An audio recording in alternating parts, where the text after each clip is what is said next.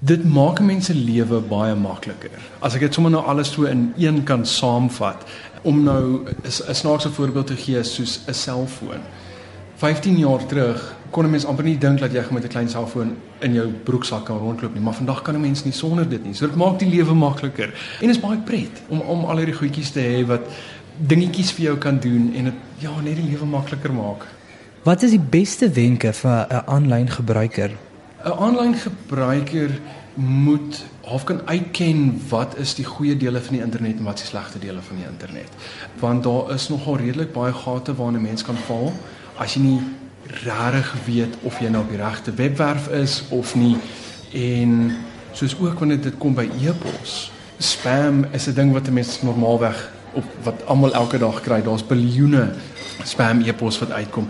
En 'n mens moet net kan uitken wat die regte goedjies is waarop jy moet klik of nie. Wat is die tekens dat 'n webblad of e-pos nie wettig of autentiek is nie?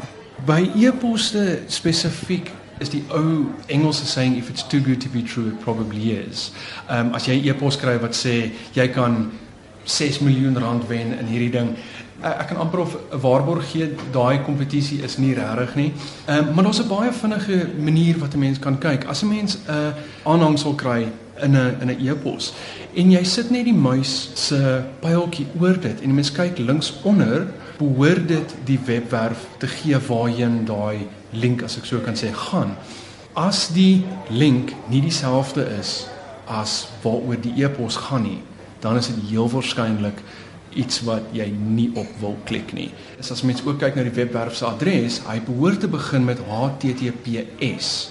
Die S staan vir secure, so dan weet 'n mens alles wat op daai webwerf aangaan is beskerm deur die servers en wat 'n mens voor betaal is actually wat jy gaan kry. Wat is van die gevare waarna ons op die uitkyk moet wees? Die grootste gevare is as 'n mens programme aflaai meeste van die gratis programme het klein programmetjies binne-in wat in die agtergrond van die rekenaar werk waarvan 'n mens nie bewus is nie wat jou rekenaar sal deel maak van 'n groot netwerk wat ander rekenaars aanval. En as 'n mens nie 'n goeie aanlyn sekuriteitsprogram het nie, dan sal 'n mens nooit weet dat daai prosesse is besig om in die agtergrond te werk van jou rekenaar wat dan vir jou soos wat ons sê 'n botnet deel maak en wat ander rekenaars aanval en inligting steel. OK, ek moet eerder hierdie webblad gebruik in plaas van hierdie een om goeie betroubare inligting te kry.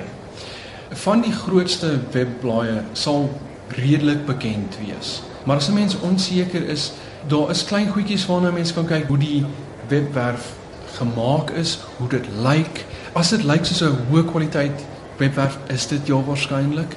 Die manier hoe die stories geskryf word is ook nogal redelik groot en of hulle terug gaan, terug aanheg na na ander webwerwe toe waar hulle hulle um, nuus vandaan kry. Ehm um, baie keer sal hulle mense stories sien waar hulle sê according to sources of people in the industry. Dit moet mense gewoonlik vat met 'n knippie van sout want hulle het nie regtig iemand om dit aan te heg nie. Hulle kon miskien daai inligting opgemaak het.